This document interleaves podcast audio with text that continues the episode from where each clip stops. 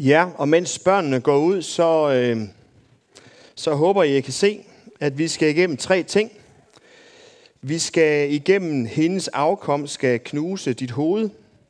Så skal vi igennem kønnenes kamp. Og så skal vi igennem aske.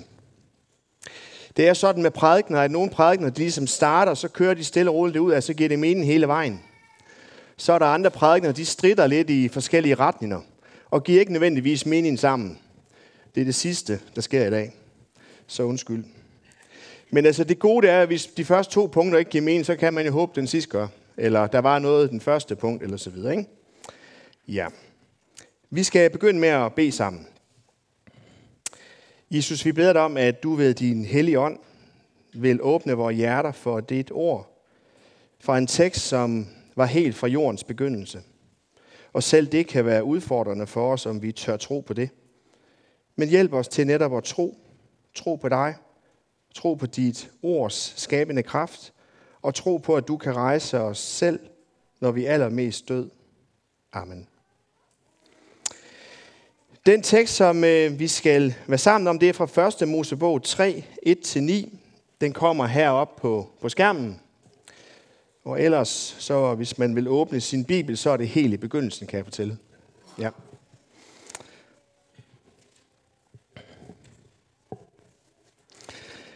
Jeg læser. Slangen var det snedigste af alle de vilde dyr, Gud Herren havde skabt, og den spurgte kvinden, har Gud virkelig sagt, at I ikke må spise af træerne i haven? Kvinden svarede slangen, vi må gerne spise af frugten på træerne i haven, men frugten på det træ, der står midt i haven, har Gud sagt, at vi ikke må spise af og ikke røre ved, for ellers skal vi dø. Men slangen sagde til kvinden, hvis skal I ikke dø. Men Gud ved, at den dag I spiser af den, bliver jeres øjne åbnet, så I bliver som Gud og kan kende godt og ondt. Kvinden så, at træet var godt at spise af, tiltrækkende at se på, og det, var, og det også var godt at få indsigt af, og hun tog af frugten og spiste. Hun gav den også til sin mand, der var hos hende, og han spiste. Der åbnede deres øjne, og de opdagede, at de var nøgne. Derfor syede de finblader sammen og bandt dem om livet. Ved aftens tid hørte de Gud Herren gå rundt i haven. Der gemte Adam og hans kvinde sig for Herren, eller for Gud Herren, mellem havens træer. Gud Herren kaldte på Adam, hvor er du? Og han svarede, jeg hørte dig i haven og blev bange, fordi jeg er nøgen, og så gemte jeg mig. Han spurgte, hvem har fortalt dig, at du er nøgen? Har du spist til det træ, jeg forbød dig at spise af? Adam svarede, kvinden du satte hos mig, gav mig af træet, og så spiste jeg. Gud Herren spurgte så kvinden, hvad er det, du har gjort? Hun svarede, slangen forledte mig til at spise. Da sagde Gud Herren til slangen, fordi du har gjort dette, skal du være forbandet blandt alt kvæg og blandt alle vilde dyr. På din bu skal du krybe, og støv skal du æde alle dine dage. Jeg sætter fjendskab mellem dig og kvinden, mellem dit afkom og hendes. Hendes afkom skal knuse dit hoved, og du skal bide hendes afkom i hælen. Til kvinden sagde han, jeg vil gøre dit svangerskab plagsomt og pinefuldt. I smerte skal du føde børn. Du skal begære din mand, og han skal herske over dig. Til Adam sagde han, fordi du lyttede til din kvinde og spiste af det træ, jeg forbød dig at spise af, skal af jorden være forbandet for din skyld. Med møje skal du skaffe dig føden alle dine dage. Tjørn og tissel skal jorden lade spire frem til dig. Og du skal leve af markens planter. I dit ansigts sved skal du spise dit brød, indtil du vender tilbage til jorden. For af den er du taget. Ja, jord er du, og til jord skal du blive.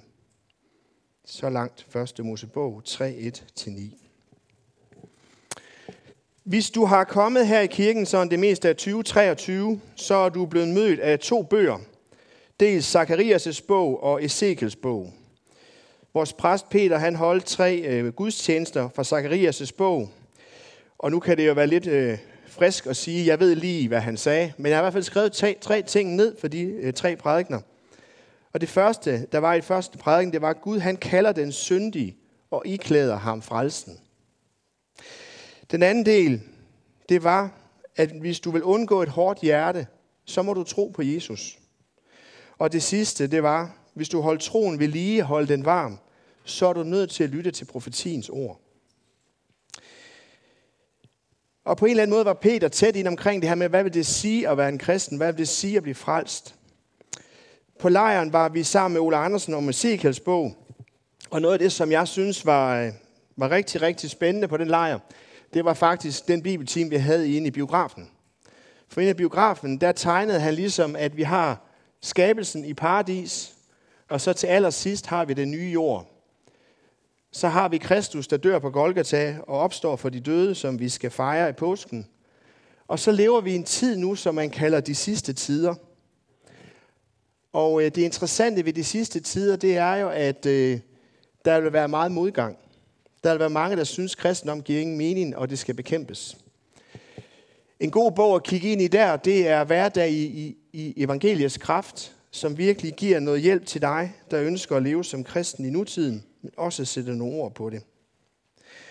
Så da jeg sad med det her, at hvad det hedder, at, øh, at hendes afkom skal knuse dit hoved, så tænkte jeg, jeg skal ikke sige noget om det helt centrale, for det har vi faktisk lyttet på i starten af 2023. Så jeg vil lige sige, at der er noget andet at sige om det her også. Hvis vi besøger den svenske, nu afdøde biskop Bo Gertz, som startede sit liv som ateist, så har han skrevet to vigtige andagsbøger, som jeg synes, du skal prøve kræfter med. Og der skriver han faktisk noget om det her med, hvad er det egentlig, den her kraft i opstandelsen, hvad er det egentlig, der tales om i den første tekst med, at slangen eller kvindens afkom skal knuse slangens hoved. For eksempel, så tager han afsæt i Lukas 13:16, der står der, men denne Abrahams datter, som Satan har holdt bundet i hele 18 år, burde hun ikke løses af de lænker på sabbaten. Og så skriver han videre. Det var Jesus spørgsmål til modstanderne. Det var sabbat, og han var som sædvanlig i synagogen. Der var der en kvinde, som i 18 år havde været plaget af en sygdomsånd. Hun var krumbøjet og ude af stand til at rette sig helt op. Jesus kaldte hende frem, lagde hænderne på hende og gjorde hende rask. Folket glædede sig, men synagogeforstanderen blev forarvet. Sådan noget måtte man ikke gøre på en sabbat. Jesus svarede med et spørgsmål, om ikke enhver af dem på sabbatten plejede at løse deres okse eller æsel fra krybben for at give det vand. Skulle man da ikke kunne løse en stakkels kvinde, en kvinde af deres eget folk, som Satan havde holdt lænket i 18 år? Så fortsætter han med at fortælle om det her, og det der egentlig er hans ærne, det er at sige, at Jesus lavede jo egentlig bare stikprøvemanøvrer i Nytestamentet. Det, der er det vigtige, det er at forstå, at Jesu kraft, opstandelseskraften, den ønsker at tage livtag med alt ondskab. Det er ikke bare det, at vi skal frelses. Det er også den ondskab, der er i dit eget liv, først og fremmest. At du våger at kigge ind i dit eget hjerte og lad Jesu tale ramme dit eget hjerte. Ikke have fokus på de andres, men på dit. Det er også, at den ondskab, som du er omgivet af, den tager du kampen op med. Det er både den, der er i dine relationer, det er den, der er på din arbejdsplads, det er den, der er i samfundet. Det er stærke ord, Bogerts han prøver at give os. Og grunden til, at jeg kender dit andre spørg, det er, fordi vi læser den på plejehjemmet, og det har vi gjort nu snart et år. Og jeg vil jo sige, at Hans Erik Nielsen skrev jo en stærk andagsbog i, i den, han har lavet, men det der, det er altså samme level bare. Så prøv kræfter med det. Ja, det var den første bobbel i prædiken. Så tager vi den næste, og der skal vi se en lille film. Jeg er bange for, hvad andre tænker om mig.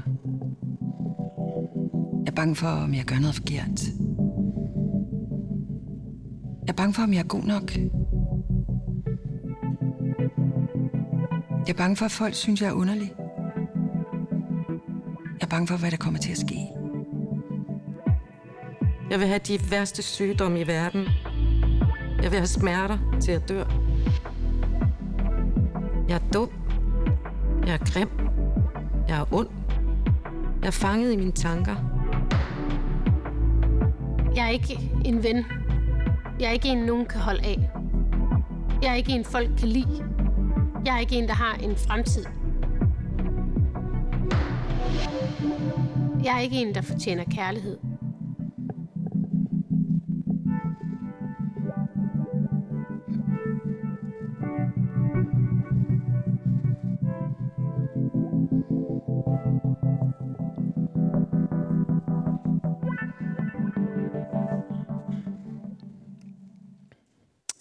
Organisationen Girl Talk arbejder med at hjælpe unge piger og teenager med at finde ud af, hvem de selv er, og øh, hvad der er godt for dem her i livet. Det, der er interessant ved den her video, det er, at de statements, I hører, det er ikke noget, der er opdigtet. Det er simpelthen folk, der har skrevet ind til Girl Talk, sådan har jeg det. Sofie Linde, som nogle af jer nok kender, som startede MeToo her i Danmark, hun var på et tidspunkt ude at handle med sin mor, og øh, står og prøver noget tøj, og så starter hun også med at tale til sig selv på den her måde, at jeg er ikke god nok, jeg dur ikke. Og så siger hendes mor til hende, vil du godt være venlig at tale ordentligt til min datter? Der er noget interessant for os, som er kristne, som kender Bibelen, som ved, at vi har Jesus, der elsker os, som ved, at vi har en skaber, der har skabt os som unikke. Hvis vi falder i og taler sådan til os selv, så må vi spørge os selv, hvorfor? Det andet lille billede hernede i hjørnet, det er noget, I kan se ind på DRTV. Det hedder Mandefald, når mænd er alene. Jeg har ikke noget at se noget af det endnu, men alene billedet her fortæller mig, at når mænd er alene, så er det ikke godt for mænd. De har ikke trivsel i det. De har nærmest mistrivsel. Så når vi bare tager et kig ud på internettet, ud i verden og ser, hvordan har kønnene det i dag, de har det ikke godt. Hverken kvinden eller manden. Lad os prøve at tage en anden stikprøve. Hvis man går ind på Sundhedsstyrelsen og kigger på sygdomme, så er der rigtig meget på den øh, hjemmeside, vil jeg bare sige, og der bliver produceret vanvittigt meget i Sundhedsstyrelsen af alt muligt for, at vi skal blive raske. Under corona, der stillede vores statsminister sig frem og sagde, at vi får en sygdom nu, en pandemi, og ikke én skal tabes, ikke én skal dø. Der blev sat en enorm kraftanstrengelse i gang for at kæmpe mod pandemien. Det interessante det er bare, når man kigger ind i tallene omkring sygdomme, der relaterer til seksualitet, så er de rigtig, rigtig store, og de er stigende. Kan vide, at vores statsminister våge samme statement og sige, nu skal vi have stoppet det her, og der er faktisk en pille, der virker. Afholdenhed. Det hjælper faktisk at vælge at sige, jeg vælger at udleve min seksualitet sammen med min ægtefælle og ikke andre. Det er en vanvittig god pille i sundhedsvæsenet. Problemet er bare, at hvis man siger det, så skal man også tage livtag med en frihedsforståelse, som går på, at jeg har lov til at udleve min seksualitet, ligesom jeg har lyst til. Og der er ingen, der skal bestemme det.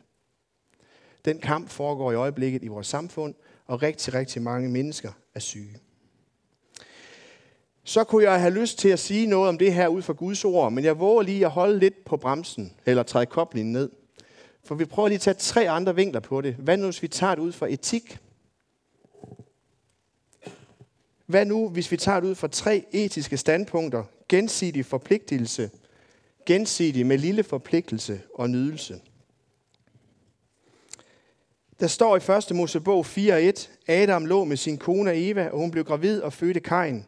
Hun sagde, jeg har skabt en mand ved Herrens hjælp. I den gamle, gamle oversættelse, der stod der, Adam kendte sin hustru. Hvad ligger der i at kende sin hustru eller sin ægtefælle? Ja, der ligger jo noget i at lære at kende det modsatte køn. Så i de to videoer, jeg lavede ud på Facebook, de handlede om kønnenes forskellighed med humor. Ellers så kan I gå hjem og se dem. Vi er altså forskellige som mand og kvinde. Vi, vi, er, vi er mennesker, og vi har åndedræt og fordøjelsessystemet osv., men der er rigtig meget, der ikke er ens. Og også omkring vores seksualitet er vi forskellige. Vores temperamenter er forskellige. Og vores livshistorie er forskellige. Og vores tro og religiøsitet og forståelse af det er også forskellige. I gensidig forpligtelse i den etiske forståelse, der mødes man om alt det her. Og så lader man det flette sammen. Og så bruger man tid på at lære hinanden at kende og så bruger man tid på at lade det flette sammen. Og så laver man en paksindgåelse i et bryllup, og så lever man sammen seksuelt bagefter. Hvorfor på den måde? Fordi at den mest intime måde, du kan være sammen med et andet menneske på, det sted, hvor du kan blotte dit hjerte allermest, det er lige præcis det rum, hvor du lader seksualiteten møde med det modsatte menneske, mod det modsatte køn. Så når vi snakker om gensidig forpligtelse som etik, så handler det om, rigtig meget det, som var den etiske forståelse, da mine forældre var unge. Hvis vi går hen i det, som hedder en etik, der hedder gensidighed med lille forpligtelse, så kan jeg huske, at vi kørte hjem fra kirke, da jeg var barn. Og så talte min far og mor om, at det nye moderne, det var, at man skulle flytte sammen, før man blev gift. Og jeg kunne forstå i, Bibelen, eller i, i bilen, at det var et no-go i min forældres forstand. Den etik hoppede de ikke på. Men hvad var ligesom statement for, at det gav mening? Jamen statementet, det var jo, at man skulle lære at kende hinanden, også seksuelt, inden man forpligtede sig på hinanden. Og hvorfor det? Jo, fordi der var en lang historie bagud om ulykkelige ægteskaber.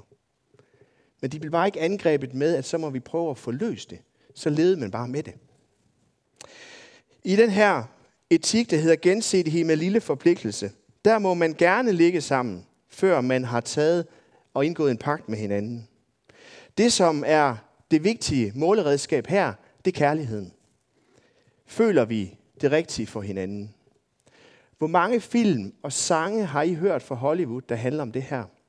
Mærk efter i dit hjerte. Og når den er der, så udlev det. Og er den der ikke, så lad være. Eller er du et forhold, der gør dig ulykkeligt, så mærk efter i dit hjerte. Og er du ikke lykkelig, så gå videre til næste forhold. Jeg sidder her i sidste uge og skriver sammen med min gamle arbejdskollega, jeg kalder ham Kokken. Og Kokken har haft tre forhold. Han er det tredje nu.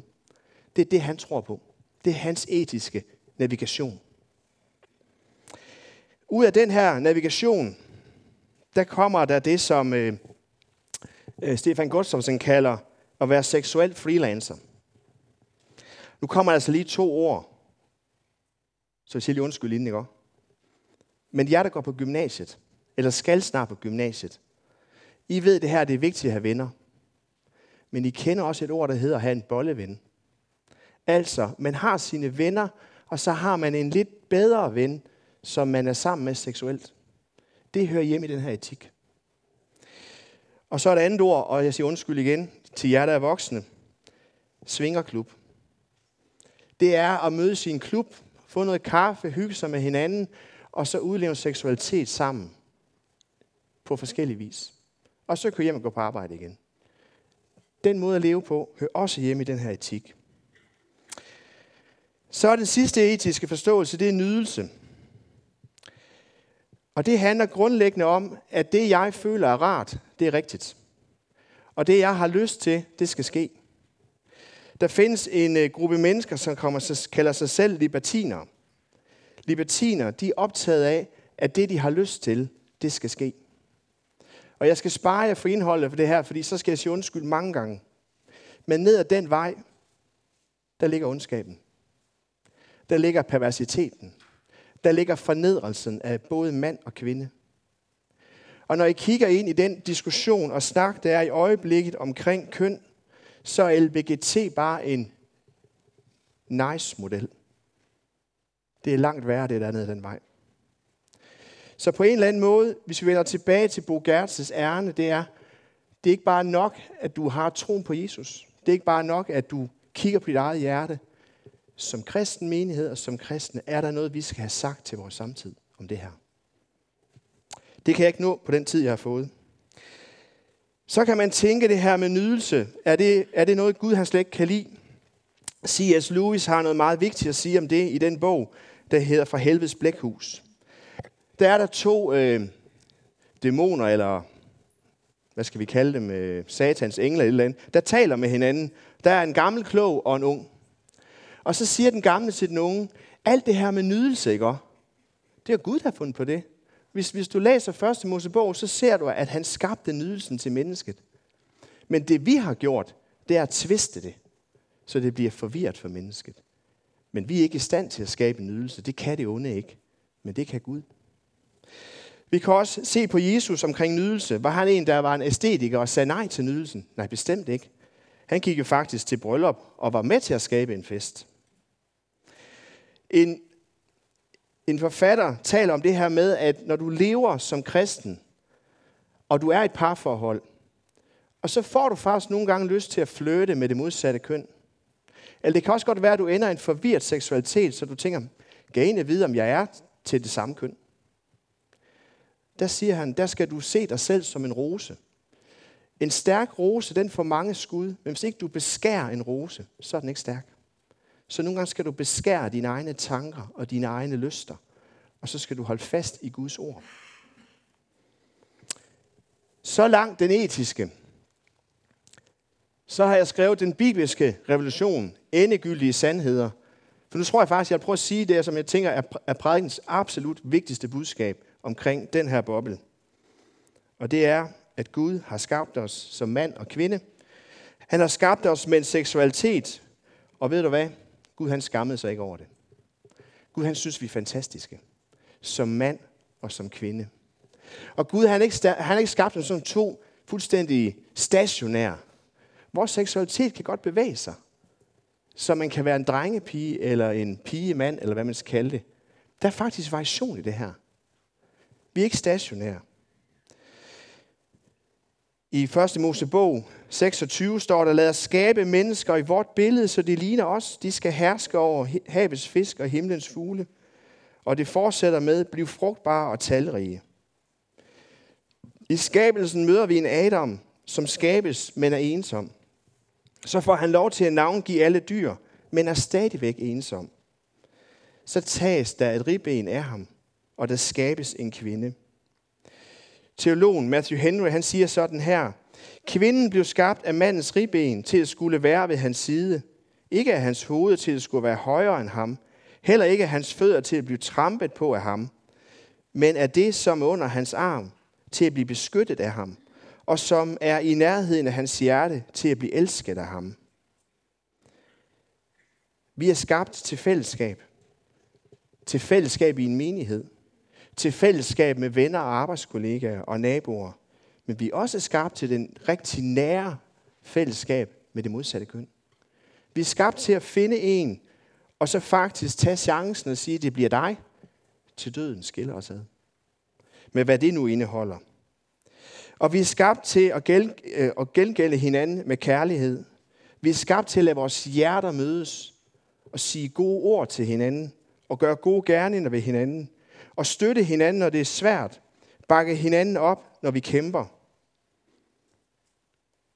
For Adam han sagde, endelig en som mig.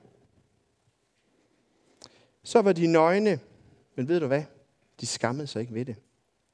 Og noget af det her med at leve sammen som mand og kvinde, det er også at være nøgne sammen.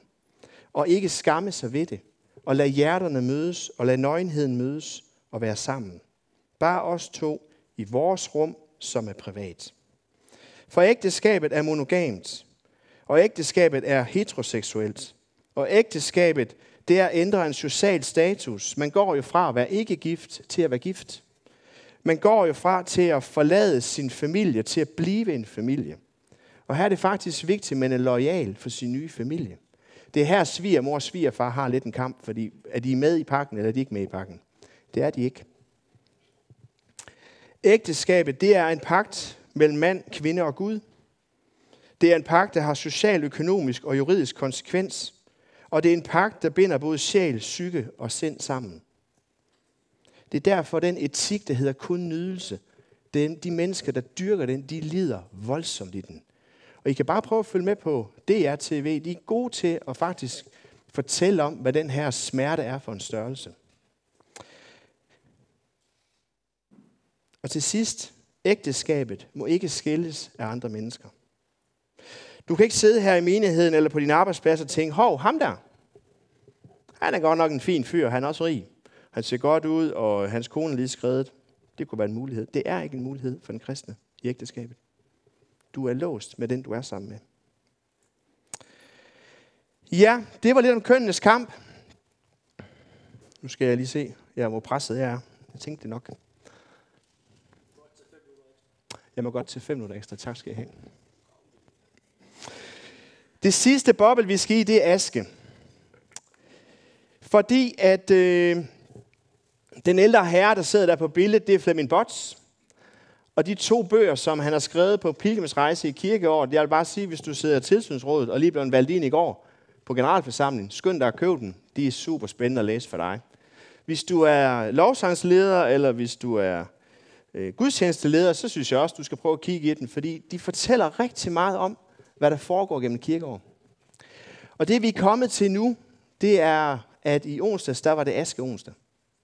Der er, fra i onsdags var der 40 dage til påske. Og den tekst, vi har fat i her, den vil gerne sige noget til dig omkring aske.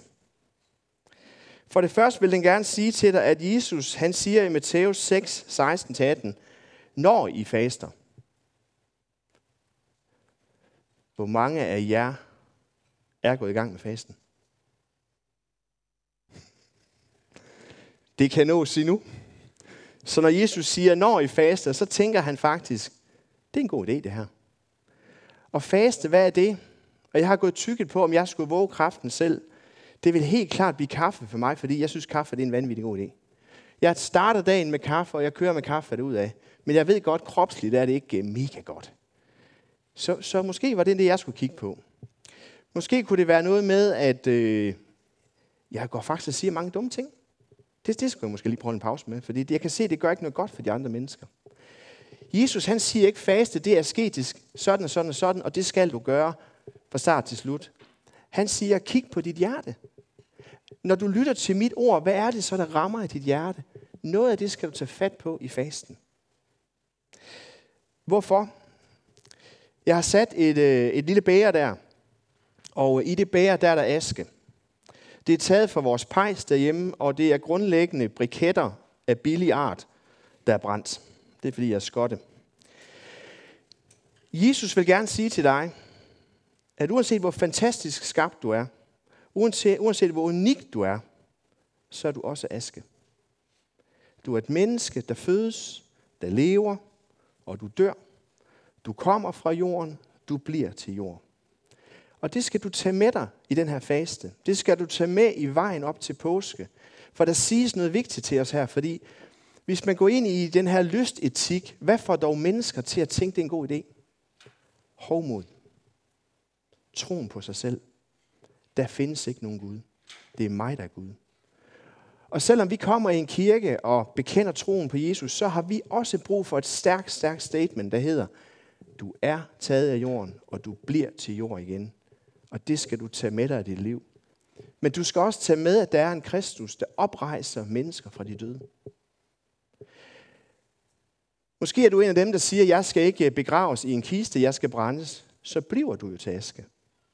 Så bliver du sat i en urne, og så bliver du sat på en kirkegård, og der bliver sat en lille sten over, hvor dit navn står på. Kan Kristus oprejse dig fra de døde? Ja, siger Bibelen. Det kan han. Også når du er aske.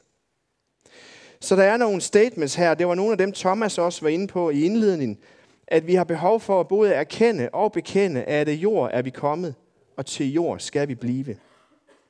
Men at også, selvom vi er jord, så er det netop ved tro på Jesus, at vi genopstår. Og vi har behov for at erkende og bekende, at vi er Guds fantastiske skabning som mand og kvinde. De mennesker, I så i filmen, de statements der, ej, hvor har de brug for at få at vide, at de er Guds skaberværk, fantastiske skabninger som mand og kvinde. De er unikke fra fødsel til død, men de er også holdt fast af døden, og ved Guds kraft kan de kun genopstå til evigt liv. Vi har brug for at erkende og bekende, at uanset hvad vi gør mod vores krop, mod vores sind, og ind i det her rum, hvor seksualiteten er, når vi synder der, så er der en Kristus, der siger, også det vil jeg tilgive. Også det vil jeg læge for dig. Også det vil jeg gøre godt igen. Og os, der har våget os ind i ægteskabet og våget os ind i det rum, vi ved jo godt, at det ikke altid er nemt at være i det rum. Det er jo ikke altid, vi gør godt. Selv viskheden går jo med os derind. Så vi har brug for en Kristus også der, der genoprejser og tilgiver. Der laves noget, der hedder Aske onsdag, gudstjenester, og de går ud på, at man bruger det her element på forskellige vis. Nu prøver jeg noget nyt, og så må I jo trække mig udenfor bagefter og skyde mig og gøre mig til aske, hvis ikke det dur. Men når I går til nadver, så er I velkommen til at prøve at kigge på det. Måske røre ved det. Tag noget i hånden. For at minde jer selv om, at det var ikke bare ord i dag omkring det her opstå for døden. Men der er også noget fysisk i det. Vi skal bede sammen. Jesus, vi takker dig, fordi at du netop for så mange, mange, mange år siden valgte at sige ja til, at du vil frelse os alle sammen. For der var jo en Gud, der spurgte, om du ville, og du svarede ja, grundlæggende, fordi du elsker os alle sammen. Tak om den kærlighed må strømme igennem os, og den må nå ind til vores egne hjerter, så de bliver varme, og den må nå til vores naboer og venner, til vores familie, til alle dem, vi har kær, og til alle dem, vi mødes med. Amen.